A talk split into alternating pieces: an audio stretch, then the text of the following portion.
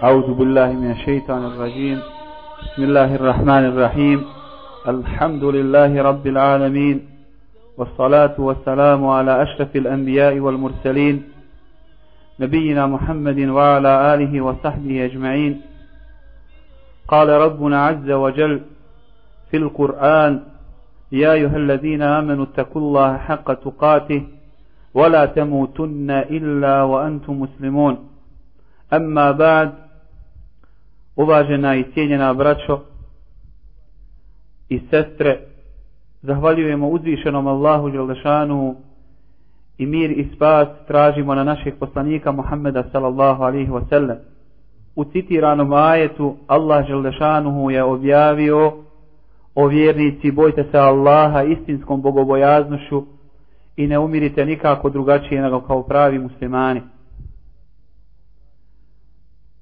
Kao što ste čuli, tema našeg večerašnjeg predavanja je jako aktuelna i ozbiljna. I gotovo da nema muslimana i muslimanke koji se pridržavaju za Allahu Đelešanu vjeru, a žive u ovakvim uvjetima u kojima mi živimo i u specifičnim okolnostima da im nije potrebno govoriti o tome. Nema nikoga među nama da se ne susreće u najmanju ruku, ako on ne zarađuje haram i metak, da se ne susreće sa onima koji ga zarađuju i koji ga njemu nude. Dakle, mi smo između dviju kategorija. Ili se nekome od nas dogodi nekada da zaradimo haram i metak, ili smo od onih koji primaju haram i metak, često nam se nudi, a ne znamo šta da sa njim uradimo. Pitanje halal i metka je ozbiljno pitanje. I muslimani i muslimanka moraju povesti dosta računa o načinu sticanja i metka. Zbog čega? Zbog toga što je to direktno povezano sa njihovom ličnošću. Utiče na prihvatanje, odnosno neprihvatanje njihove dove kod Allaha Đelešanu i utječe također na prisustvo, odnosno oduzimanje beričeta iz njihovog imetka ukoliko se dogodi da zarađuju imetak na način koji je Allah Đelešanu zabranio. Poslanik sallallahu alaihi wa sallam u vama dobro poznatom hadisu spominje slučaj čovjeka koji dugo putuje i račupane je kose, hrani se haramom i odjeva se haramom, moli Allaha Đelešanuhu, ja rab, ja rab diže ruke svoje prema nebesima, kaže poslanik sa srljem, kako da mu se Allah odazove, a on se hrani i odjeva haram i metkom. Moramo se malo zadržati na ovome hadisu. Inače, čovjeku se posebno prima dova onda kada je u teškoj situaciji. Kada je u velikoj potrebi za Allahom. Ovaj čovjek, poslanik sa selem, namjerno spominje njegov primjer. Jer dugo putuje, rašupane koste, ukazuje da se nalazi u posebnom stanju. Ali i pored toga, zatim na jedan poseban način izražava svoju potrebu, ali i pored toga kaže poslanik kako da mu se Allah odozove u takvoj teškoj situaciji, u velikoj potrebi, a on je odjeven od harama i hrani se haramu. Ovo nas uči jednoj stvari, a to je da musliman i muslimanka moraju i kako povesti računa o, o svom imetku, zbog toga što je to direktno vezano sa prihvatanjem njegove dove, koja i kako utječe na njegov ostanak na pravom putu, odnosno skretanje sa pravog puta. Koliko čovjek bude vezan sa Allahom i koliko se njemu bude vraćao i od njega tražio, može očekivati ustrajnost na pravom putu. Toliko može očekivati ustrajnost. Jer mi nismo na pravom putu zahvaljujući našem dobru. Mi smo na pravom putu zahvaljujući Allahu i dobroti koji nas je odabrao od miliona i od hiljada ljudi da budemo na njegovom putu da njemu robujemo. A dova je jedan od velikih faktora u strajnosti na pravom putu. Prvo pitanje koje ćemo spomenuti i tretirati je kako čovjek može steći haram i metak? Kako se sve stiče haram i metak?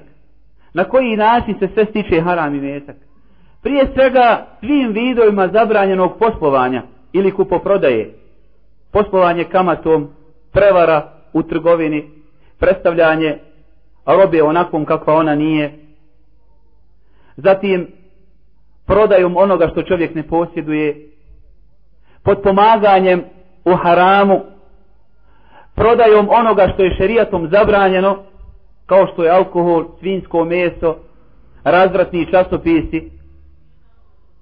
To je jedan vid sticanja haram i metka, on je svim vidovima poslovanja koje je u šerijetu zabranjeno. Bilo se radi o kamati, bilo se radi o prevari, bilo se radi o prodaji onoga što je šerijetom zabranjeno i tako dalje. Drugi vid sticanja haram i metka je bavljenjem ili zanimanjem nečim što je u, u vjeri strogo zabranjeno. Kao što je prostitucija, kiparstvo, kao što je pjevanje, profesionalno pjevanje i sve ono što je jasnim i šerijetskim dokazima strogo zabranjeno.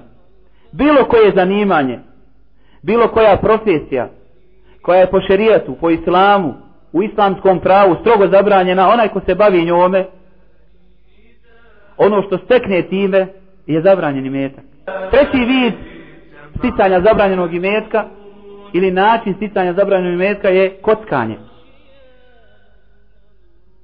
Tombola, e, bingo, bilo koji vid, zovite ga kako hoćete, bilo koji novi vid kockanja koji se u današnje vrijeme pojavio, sve ono što čovjek njime stekne je haram. Nažalost, mi u redovima za, za ove nagradne igre i za igre na sreću možemo vidjeti onih koji dolaze i pet vakata namaza klanjaju u džami.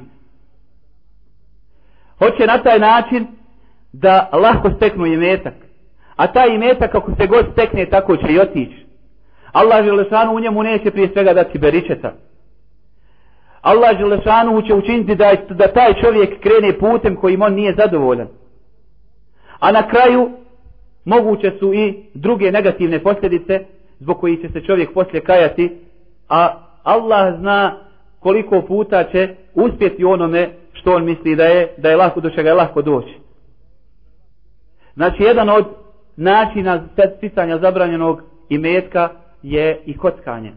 Kocka je jasno zabranjena Kur'anom i sunnetom Allahog poslanika. Kaže Allah Želešanu u Kur'anu Jajha alladina amanu innama al-khamru wal-mejsiru wal-ansabu wal-azlamu rijsum min ameli šeitani feđteni buhu la'allakum tuflihun. O vjernici, zaista su alkohol, kocka, strelce zagatanje i kumiri, neći odvratno šeitanovo djelo, pa klonite ih se ako mislite da se spasite. Od zabranjenih vidova sticanja i metka je i otimačina, bilo koji vid otimanja i nasilnog oduzimanja i metka. Pazite, braćo, ako neko ode na sud i putem suda ili sud mu verificira i dozvoli oduzimanje nečijeg haka, a on to predstavi sudu da je njegov hak, to kod Allaha Đelešanu nije ništa promijenilo. U suštini on je uzurpator, to će mu na sudnjem danu biti natovareno za njegov vrat. Iako je on našao možda svjedoke, iako je on uspio dokazati uspio dokazati da je to njegov hak, a on zna da se naradi o njegovom haku, kod Allaha se suština ne mijenja. Ostari haram i metak i kao što kaže poslanik sa oselem, ko otuđi jednu stopu i metka, na sudnjem danu će mu taj dio zemlje biti natovarano na njegova pleća, bit će mu naređeno da ih ponese, neće moći ponijeti i onda će biti strovalen u džahnem.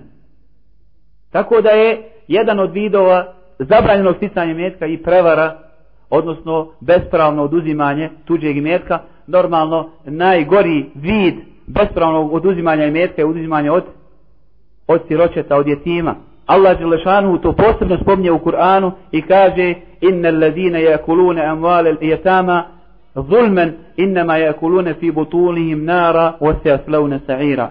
A oni koji od jetima, od siročadi bespravno uzimaju imetak oni u svoje stomake trpaju džehennemsku vatru i Allah Đelešanu će im dati sa'ir, a to je jedan od naziva za džehennem, rasplamsalu vatru. Na jedan od ovih načina čovjek može steći i metak koji se u šerijetskom pravu tretira kao haram imetak. Dobro, ako se dogodilo da je čovjek stekao nešto od harama na jedan od ovih načina koje smo spomenuli, šta da radi? To je sljedeće pitanje pokajao se Allahu Đelešanu, saznao da je način na koji je stekao i haram kockom, prodajom harama, prodajom alkohola, prostitucijom, na bilo koji način kojeg šerijat zabranjuje i pokajao se Allahu, došao do, došao tobe što naš narod kaže. Šta da radi sa tim imetkom? u neznanju uradio, ili onda kad se nije pridržavao za vjeru. Je li dovoljna samo te oba, ili mora očistiti imetak? mora podijeliti imetak? ili šta da radi? Prva stvar, ako je čovjek učinio tobu Allahu Želešanu, a prije toga je tužio nečiji hak, uzeo nečiji hak bespravno, nečiji metak, uz tobu je potrebno i da vrati taj hak. Kaže poslanik sallallahu alaihi wa sallam, men kanet indahu mazlamatun li ahihi min dirhamin au še'in, فليتحلله منه اليوم قبل أن لا يكون دينار ولا درهم ako je neko svome bratu učinio nepravdu, uzeo mu dirhem, uzeo mu novac i metak ili nešto drugo, neka od njega traži halala na ovome svijetu, prije nego što dođe na onaj svijet kada neće biti ni dinara ni dirhema, nema vraćanja, tada nema vraćanja dugova. Kaže se in kanet lehu hasanatin uhizet minhu wa utije li sahibihi. Ako kaže i bude imao dobri dijela, uzeta će mu biti dobra djela i dati onome kome je nepravdu činio.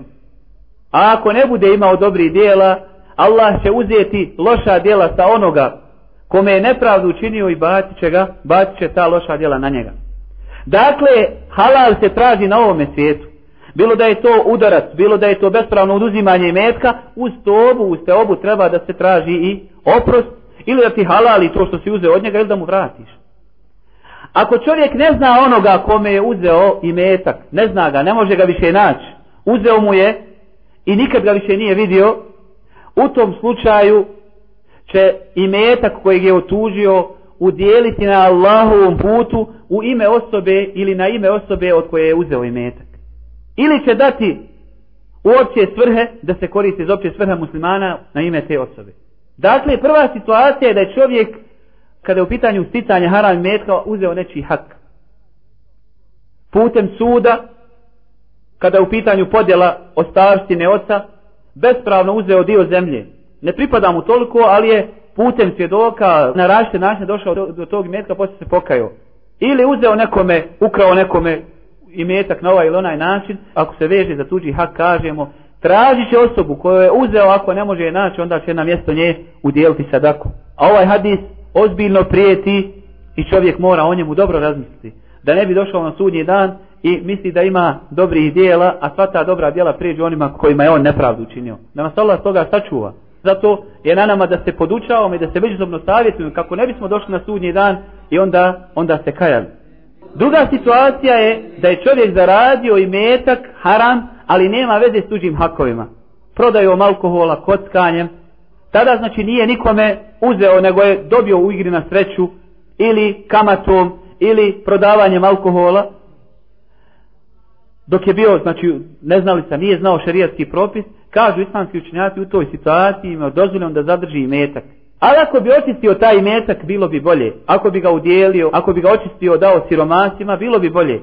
Ali ako, ako ga zadrži, jer ga je zaradio iz neznanja, dok nije znao šarijatski propis, dok nije znao kako islam gleda na to što je radio, dozvoljeno da zadrži na osnovu riječi Allaha Đelešanu kada je zabranjena kamata. فَمَنْ جَاءُهُ مَوْعِذَةُ مِنْ رَبِّهِ فَنْتَهَا فَلَهُ مَا سَلَفُ Kaže Allah Đelešan nakon što je spomenuo zabranu kamate, kaže kome dođe opomena od Allaha i on se prođe, ostavi kamatu, njemu pripada ono što je prije uradio. Čovjek zaradio nešto kamatom i saznao da je kamata zabranjena, njemu pripada to. Nije obavezan da, da je udjeli. To je kada u pitanju osoba koja ne zna. Ne zna kakav je propis. Radio i saznao, čuo da je zabranjeno, e, propis njegovog imetka je ovakav. Haram stečenog imetka. Međutim, osoba koja zna i namjerno to radi, ustrajava u tome, ako se pokaje, obavezna je taj metak udjeliti. Ne smije ga zadržavati kod sebe. Nakon što je saznao da je zabranjeno prodavati alkohol i ustraje u tome, i posle toga Allah da da se pokaje, obavezan je taj metak podijeliti koji je zaradio prodajom alkohola ili kamatom ili kockom ili, na neki drugi način. Dakle, da suzimo, da skratimo, imamo dvije situacije da čovjek zna i da čovjek ne zna. Ako zna, obavezan je taj metak udjeliti.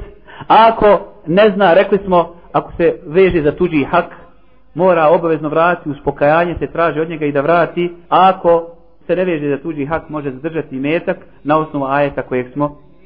Treće pitanje, šta je sa imetkom, haram imetkom kojeg drugi zarađuju, ali nude ga nama. Daju nam ga kao poklon, daruju na ovaj ili onaj način, žele da nam pomognu, a mi znamo da ga stiču na zabranjen način. Znamo da način na koji zarađuju i koje koriste u sticanju imetka je šerijetom zabranjen. Ovdje imamo četiri vrste takvih osoba. Osobe kod kojih je kompletan imetak haram. Sve zarađuju od prodaje alkohola. Znamo da je njihov imetak čisto haram. Nema u njemu ni, ni dinara halala. Od takvih osoba nije dozvoljeno prihvatiti ni hediju, niti je dozvoljeno kod njih jesti, niti je od njih bilo kakvu pomoć dozvoljeno prihvatiti. Ako znamo da se da osoba samo zarađuje haram imetak, da li to neki naš rođak, ili prijatelj, ili komšija, sa takvim osobama ne trebamo imati posla. Jer Allah Želešanu može nas zbog toga kazniti, može nam oduzeti beričetu i metku, jer kad čovjek hrani svoje tijelo haram i metkom, onda to postaje opasnost za njega, postaje opasnost za primanje njegove dove kao što smo na početku spomenuli. Druga situacija je da osoba, da kod nje provladava haram i metak. Ima više harama nego halala. Zarađuje na, na raste način, ali preovladava haram. Od takve osobe je po ispravnije mišljenju dozvoljeno uzeti ono što nam daje. Novčanu pomoć, odjeću ili nešto što nam, što nam daje. Ali je, kako bi se ta osoba odvratila od onoga što radi, bolje odbiti i kazati mu u tvom imetku ima toga i toga, ti se baviš time i time i ja neću od tebe prihvatiti dok to ne ostaviš jer islam to zabranjuje i tako dalje. Ali kažemo po ispravnijem mišljenju je dozvoljeno da se od takve osobe primi poklon, da se sa njom klopi poslovni ugovor, da sa njom radi i posluje, iako u njegovom imetku preovladava haram. Treća situacija je obrnuto da u njegovom imetku preovladava halal. Znamo da većinom zarađuje ima supermarket u kojem ima između ostalog alkohola, ali većinom, većinom ono što zarađuje je halal, jer u supermarketu se većinom prodaje ono što je šerijatom dozvoljeno. Od takve osobe je bez sumnje dozvoljeno uzeti i sa njom je dozvoljeno poslovati i kod nje je dozvoljeno jesti i ono što nam ponudi dozvoljeno bez ikakve sumnje uzeti jer kažu islamski učenjaci da se u obzir uzima ono što preovladava. U ovom slučaju preovladava halal i metak i dozvoljeno je od nje uzimati. I četvrta, četvrta situacija ili četvrta kategorija tih ljudi su ljudi koji posluju određenim vidovima koje neki učenjaci dozvoljavaju i neki zabranjivaju. Neki kažu dozvoljeno, drugi kažu zabranjeno je. Imamo primjer, primjer BBI banke. Oni daju kredit, oni imaju svoju šarijetsku komisiju i oni garantuju ljudima da je taj kredit ispravan, islamski. Međutim, onaj ko malo bolje razmotri poslovanje te banke, vidjet će da nema plaho velike razlike između njihovog kredita i kredita drugih banaka. Ali pošto oni imaju svoju šarijetsku komisiju, oni garantuju za njih, onaj ko bi na osnovu toga uzeo od njih kredit, ne smijemo ga smatrati grešnikom, ne smijemo ga napadati zbog toga, jer u ovim stvarima, znači, jedan dio učenjaka kaže, to je sumnjivo, to nije ispravan islamski kredit, to nije ispravno islamsko poslanje, drugi kažu da je to ispravno tako da te osobe tretiramo onaj ljudima koji ne čine grije, oni koji slušaju takve učenjake i uzimaju na osnovu toga, ali u najmanju ruku krediti iz takvih banaka su sumnjivi i ono što sam ja uvidio jeste da se radi o kamatnim kreditima i da nema plaho velike razlike između, između tih banaka i BBI banke. Sljedeća stvar ili sljedeće pitanje koje je jako interesantno, a ono je kada haram i metak može postati halalom. Da nije čovjek obavezan očistiti ga i, i, i izvojiti ga iz svoga imetka. Prva situacija kada je čovjek prihvatio islam. Prihvatio islam, izjavio, znači nije bio musliman, i uopće pripadao islamu, prihvatio islam, a ima kod sebe nešto ukradeno, ima kod sebe tuđi hak, dok je bio nemusliman, dok je bio nevjernik, nije se o tome interesovao, jer poznato je da samo musliman ima određene propise i ograničenja koji se pridržava, niko drugi nema nikakvih ograničenja, radi šta hoćeš. Kakav je propis njegovog imetka koji je na taj način stekao, njegov imetak ostaje njemu, jer islam briše sve što je bilo prije toga čak i ono što je otuđio od imetka, on može zadržati.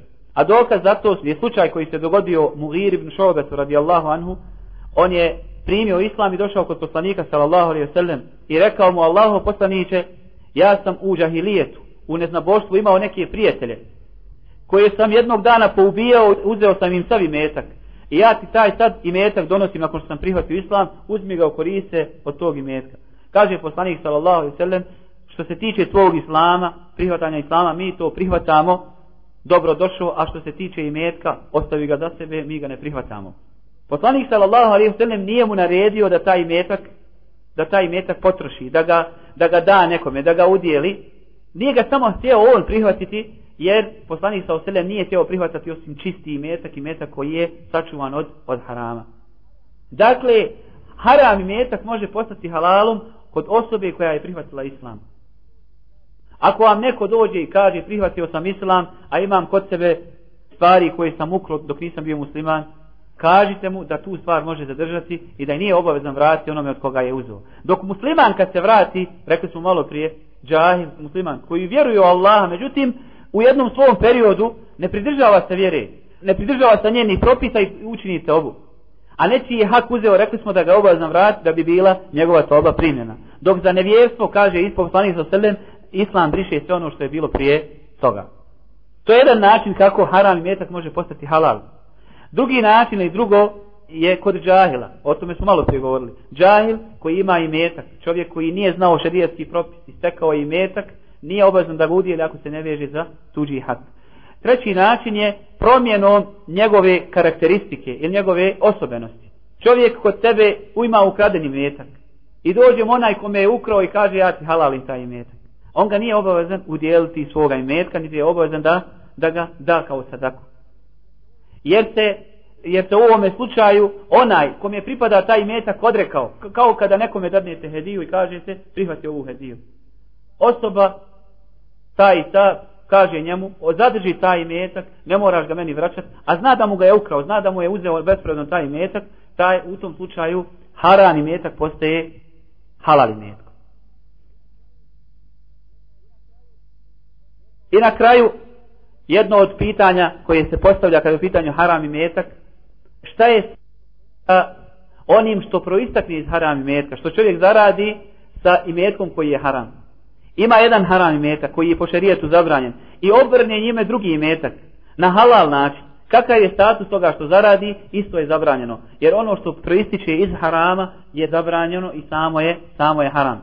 Šarijatsko pravilo, pravilo u islamskom pravu kaže ono što proizilazi iz harama i samo je haram.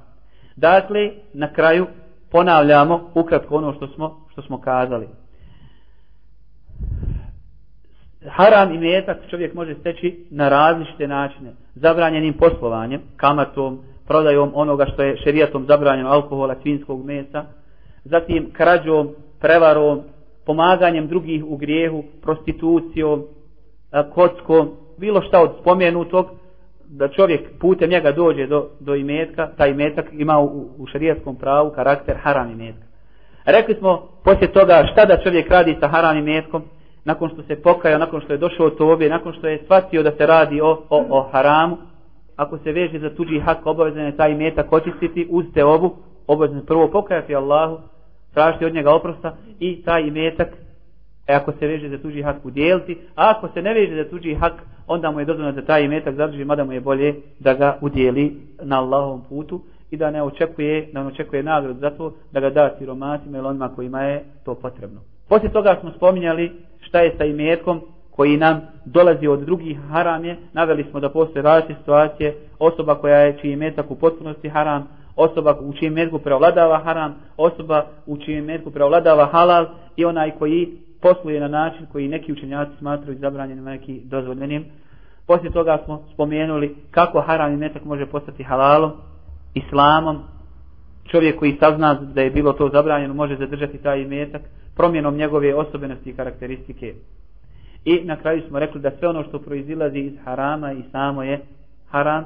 Tako da iako je taj vid poslovanja dozvoljen čovjek ukro auto i njime zaradi taksiranjem, zaradi određeni novac taj novac koji je zaradio je haram kao zbog čega? Zbog toga što je proistakao iz onoga što je haram. Molim Allah Želešanu da e, ovo što smo kazali bude korisno i za mene i za vas i da nas sačuva da sačuva naš imetak od onoga čime on nije zadovoljan i da zbog toga se ne ispriječi da se taj imetak ne ispriječi između nas i dove koju upućujemo Allahu Želešanu. Pitanje ukratko glasi, ako nije čvrsto dogovoren kupoprodajni ugovor, da li je čovjeku dozvoljeno da, da sklopi ugovor sa drugom osobom koja daje više od one prve? Ima nešto u, u, u kupoprodajnom ugovoru šarijat što se zove pravo na slobodni izbor. Dakle, prilikom kupoprodajnog ugovora dozvoljeno je da jedna i druga strana daju rok. Kaže, neću, nisam siguran, još hoću uzeti, daj mi vremena do sutra pretpostavljam ako Bog da da ću uzeti, ali eto nisam, idem, savjetovat ću se, vidjet ću koliko ima mogućnosti, u tom slučaju ćemo čekati šta će nam on reći. Ako on odbije kupoprodajni ugovor i kaže da neće da kupi, u tom slučaju je dozvoljeno da se sklopi sa drugom osobom ugovor, normalno i po većoj cijeni kako se dogovorite. Dakle, e, musliman se treba držati onoga što je obećao. Jer ti si ovdje njemu obećao da ćeš mu prodati ako on pristane. Evo, čekaš te do sutra ako ne kažeš, ali ako mu kažeš, čekat ću te do sutra i ne doneseš li mi informaciju i on ne dođe ti možeš raspolagati i prodavati. Ako on ne dođe u dogovoreno vrijeme, kako ste se dogovorili, tada je dozvoljeno da prodaš nekome drugom po većoj cijeni. Ako si mu obećao da ćeš mu prodat, a on je ostao da razmišlja, znači daj mi jedan dan da razmislim, u tom slučaju ćeš ga čekati nakon toga, ako on otkaže, dozvoljeno ti da prodaš drugom. Ili ako ne dođe u dogovoreno vrijeme, dozvoljeno ti da raspolažeš, jer vi ste čvrsto sklopili kupoprodajni ugovor. Pitanje glasi, da li osoba koja se samo zvala imenom musliman, a nije se nikad pridržavala propisa, da li ona ako je nešto uzela od tuđeg haka, da li je obavezna vratiti ili je dozvan da zadrži. Zavisi od e, njegovog stanja u kojem je on bio. Da li je on u, u tom trenutku istinu i ušta vjerovo. Ako čovjek nije ni ušta vjerovo, samo nosi u muslimansko ime, ali nije ni ušta vjerovo i zbog toga se nije pridržavao vjere, onda je njegov propis kao i propis onoga nemuslimana koji je prihvatio islam. Jer i on na taj način e, ulazi u islam i prihvata islam. Ali ako je on vjerovao Allaha, međutim zbog nepoznavanja islamskih propisa, zbog e, okoline i društva, je bio neznalica i u takvom društvu bio, ako je otuđio nečiji hak, obavezan ga je vratiti. Čovjek musliman koji je samo iz džehla, iz neznanja, radi određene stvari, ali je vjerovao Allaha i u njegovoj poruci bilo poznato da se vjeruje. On nema status nemuslimana. Ali osoba koja u osnovi ni što nije vjerovala, živjela u musliman, ali nikad se nije deklarisao kao musliman, bio ateista, takav čovjek ima status nemuslimana. Ali onaj koji je samo se nije pridržavao islama, ali vjeruo Allah, on se tretira neznalicom kojem je uste obu potrebno i da vrati onome od koga je uzeo. A rekli smo, ako ne zna da tu osobu, onda na njegovo ime, na njegovo ime da podijeli sadaku. Pa makar to bio nemusliman. Ako je nemuslimana uzeo, da na njegovo ime, jer će nevjernik nemusliman imati koriste od toga na ovome svijetu. Svaka državna institucija pojedinac nema pravo raspolagati njenom imovinom. Na primjer, čovjek električar, čovjek radi na bageru, na ome, na onome, on nema pravo raspolagati, to nije njegovo vlasništvo. Čak mu ni direktor, ako je državna firma, nema pravo nešto dozvoliti i kazati, znaš šta, hajde ti sa bagerom malo ovdje radi, pa što zaradiš, ja ću mi ti popoloviti. Ne, jedino ako se radi o njegovoj privatnoj firmi koju on vodi, on može njome upravljati kako hoće. A to je danas poznato, da se nakon radnog vremena radnici koji imaju obaveze prema državi, znači radi se o državnoj firmi, sklopi ugovor sa svojim poslovođom, hajti pa ćemo mi poloviti. To je šerijatom zabranjeno. I mjeta koji se stekne na takav način je šerijatom zabranjen. Na osnovu hadisa u kom se navodi da je čovjek došao kod Allahog poslanika bio zadužen za sakupljanje zekata i rekao mu Allahu poslaniće ovo su ljudi vama dali, ovo su meni. A on je sakupljao. A imao je platu od izbejtul Mala, od poslanika sa srne. I onda se poslanik naljutio, izašao među oshabe i rekao, kaže, šta je sa onima koje mi postavimo na određena mjesta, kojima mi damo posao, a onda oni dođu i kažu, ovo je vama, ovo su meni ljudi dali. Kaže, zašto nije sjedio kod svoje kuće pa da vidio će li mu ljudi dati? U današnje vrijeme pretpostavimo poštar. Poštar ima platu od države. I ljudi mu, pored toga daju, za, ne znam, za lijepu uslugu, ovo ono haramo je da uzima taj metak. Zbog čega? Zbog toga što on na taj način vara one koji mu daju platu i koji su ga stavili na to mjesto, a musliman ne smije biti nepovjerljiv. Radi se o osobi koja je povremeno u svoj metak uzimala i haram metak, to radi se o maloj količini, da li je takvoj osobi dozvoljeno da postepeno ili u, ne znam, različitim vremenskim intervalima dijeli kao sadaku i da na taj način očisti svoj imetak. Osoba koja je stekla haram imetak, malo prije smo spomenuli, ako taj imetak nisu ljudska prava, nisu tuđa prava, može ga zadržati, znači ne mora ga, ne mora ga udjeljivati, ali je bolje da ga očisti, da bi sebe se čuvo jednostavno hoće da 100% bude opravdan kod Allaha Đelešanu i da nema nikakve veze sa haramim metkom. To je bolje, rekli smo.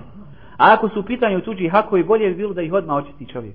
Ne u intervalu, jer ne zna kad će ga smrt zadesiti. Ako ne zna, neka sabere otprilike, neka odredi sebi neku količinu, koliko je on otprilike mogao da, da uzme tog haram i metka, i ima, ako ima mogućnost da ga, da ga udjeli, da ga odmah udjeli. Ali pazi, ne u svrhu džamija, nego siromasima za opće potrebe, tamo gdje, gdje, gdje se ne veže za, za neke ovaj ibadete kao što je građenje džamija, kao što je borba na Allahovom putu, to treba ipak očistiti tamo u onim svrhama koji nisu neki bliski ibadeti, kao što je rekli smo pravljenje džamije i tako dalje. Pomaganje siromasima, pravljenje puteva, pravljenje škola, bolnica, bilo šta od ovoga čovjeku je dozvoljeno da udjeli, ali kažem da otprilike odredi koliko i malo doda, ako kaže na primjer uh, uzeo sam nepravedno 10.000 maraka. Nek doda još jednu hiljadu, nek za svaki slučaj bude 11.000 i neka očisti svoj metak i neka ne čeka sa tim.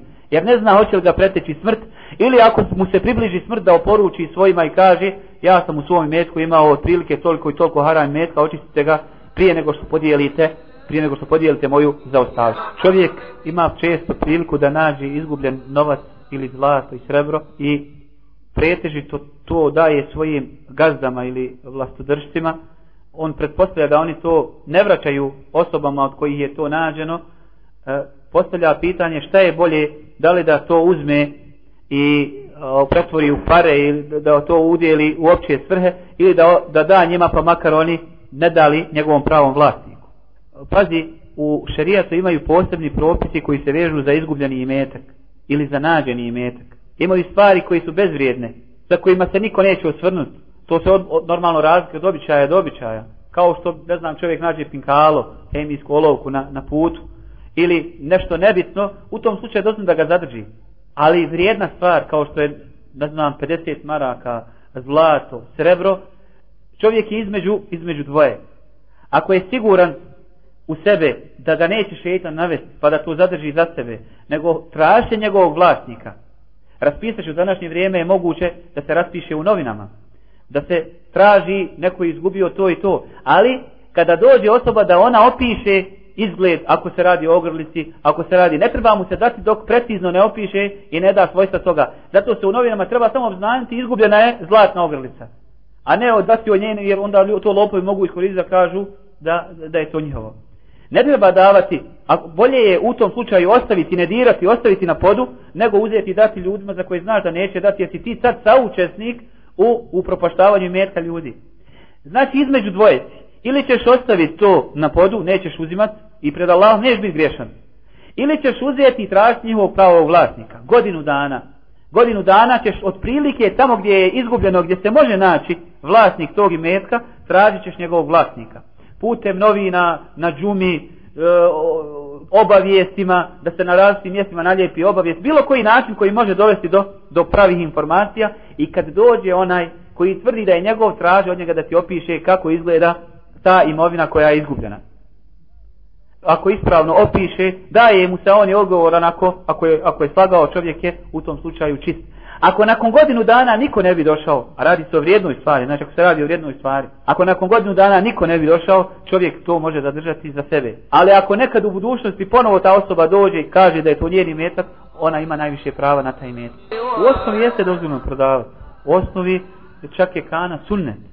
I farbanje kostije kanom je sunnet. Propisano, propisano ovom vjerom. Poslanik sa selem je posticao žene da knu svoju kosu kanom. Međutim, ovdje je sporno što žene koje se na ovim prostorima farbaju, ne radi to pred svojim ljudima, nego na kinđure se idu pred druge ljude, sređivaju se drugima.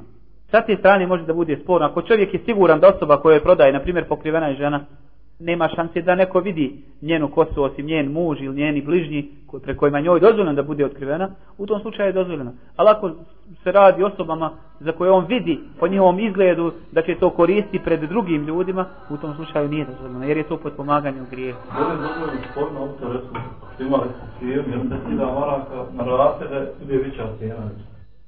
Dozvoljena. Dozvoljeno. Bilo koju robu, ovaj dozvoljeno je naplatiti taj e, razlika u roku. Zbog čega? Zbog toga što jedna i druga strana ovdje imaju korist. Jedna i druga strana imaju korist. On, kupac ima korist u tome što ne mora odjednom dati sav novac, a prodavac ima korist u tome što, što na taj način trpi štetu i povećavanjem vrijednosti nadoknađuje mu se ta neka šteta. Jer on je kupio robu možda u gotovini, a tebi je prodaje na rate i da bi se, da bi se to izbalansiralo, da bi se našla neka ravnoteža, šerijat je dozvolio da se poveća vrijednost, da se pravi razlika između gotovog novca i prodaje na rate. Međutim, ono što je zabranjeno jeste da na ratama bude kamata. Recimo, frižider u gotovom novcu je 500 maraka, ali je na rate 900 maraka. Međutim, uz to još na svaku ratu ima 0,3% kamate.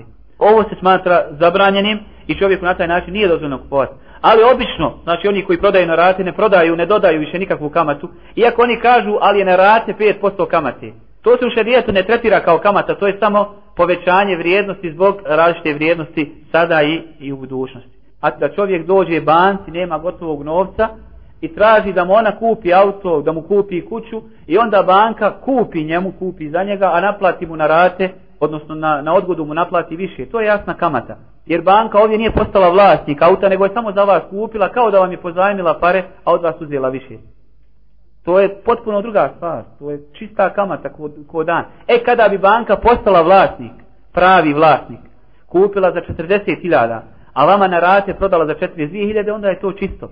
Ali banka ovdje postaje fiktivnu stvar, čak ne postaje ni fiktivnim vlasnikom, nego za vas kupuje onaj vaš zastupnik, i kao da vam je uručila pare, svejedno je, ili ona kupila za vas ili vama uručila pare, a od vas uzima više, to je kao da vam je pozajmila 40, a od vas uzela 42.000. To je poznato na zapadu kao leasing. Kakav je status muža koji uzima i metak svoje supruge, iako ona šuti da ne bi bilo svađe i razdora, da ne bi bilo svađe. Normalno čovjek koji uzima i metak svoje supruge, koje je njeno lično vlasništvo, nasljedstvo, zaradila ona na poslu, on nema prava na njega. I sve što uzme od nje na taj način, smatra se otetim, uzurpiranim mjestom, on ga mora nadoknaditi. Čovjek, bez obzira što normalna žena je slaba, ona mu ga ne može uzeti, ali joj je dozvoljeno, ako ima dokaze, da ga tuži i da traži svoje pravo i da je to njeno pravo vrati. Ako to ne uspije na dunjalku, onda će čovjek, ako joj ne vrati na ovom svijetu, vratiti na onom svijetu, ako mu ona ne halali.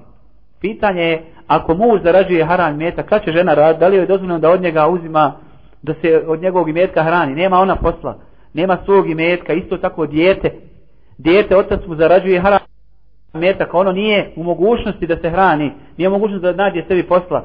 U toj situaciji, pošto čovjek nalazi u prinudi ili žena, dozvoljeno je da jedu onoliko koliko je potrebno da se odjevaju, koliko je potrebno da uzimaju, u ovom slučaju žena od svog muža i dijete od svog roditelja. Ako nisu sami u stanju da zarade i nemaju drugih izvora i nemaju drugih prihoda. Ako žena ima svoj vlastiti stan i ne traži da ga muž obezbijedi, kako bi mu olakšala, da li to ulazi, ulazi u sadaku od nje. Ako žena ima svoj vlastiti stan i ne traži da ga muž obezbijedi, kako bi mu olakšala, da li to ulazi u sadaku od nje? Jeste, ulazi, ali ako ona dobrovoljno daje taj imetak i kaže, neću, neću nikad tražiti protu uslugu. Može se dogoditi da čovjek privremeno nema imetka, da ga žena hrani, odjeva, da mu da stan, ali u početku kaže, ovo je hedija od mene, Nema posle pravo tražiti od čovjeka nakon što on dobije taj metak, nakon što zaradi onoliko koliko mu je ona dala. Ali ako mu na početku kaže ovo ti je poklon, ovo ti je ovaj pozajnica od mene, kada Allah da bolje vrijeme i ti stekneš i metak, obavezan ti vrat, onda ima pravo od njega tražiti e, to što mu je dala. Ili čovjek i žena se mogu dogovoriti, iako je čovjek obavezan da izdržava ženu, mogu se dogovoriti da jednako snosi troškove u kući, jedno i drugo radi i ona kaže nema problema, ja i ti ćemo pola snositi, ja ću plaćati struju, ti plaćaj telefoni, sve što na taj način da, nema pravo posle tražiti od muža i kaže, pa čekaj, ti si obavezan bio da plaćaš struju, gdje ti sad meni sve plati ono što sam ja plaćala, zavisi, znači ako je ona sama pristala na to, nije čovjek natjero, onda ona nema pravo, pravo posle toga tražiti. Ali u osnovi čovjek se stara o porodici i mora, mora on izdržavati svoju ženu i djecu.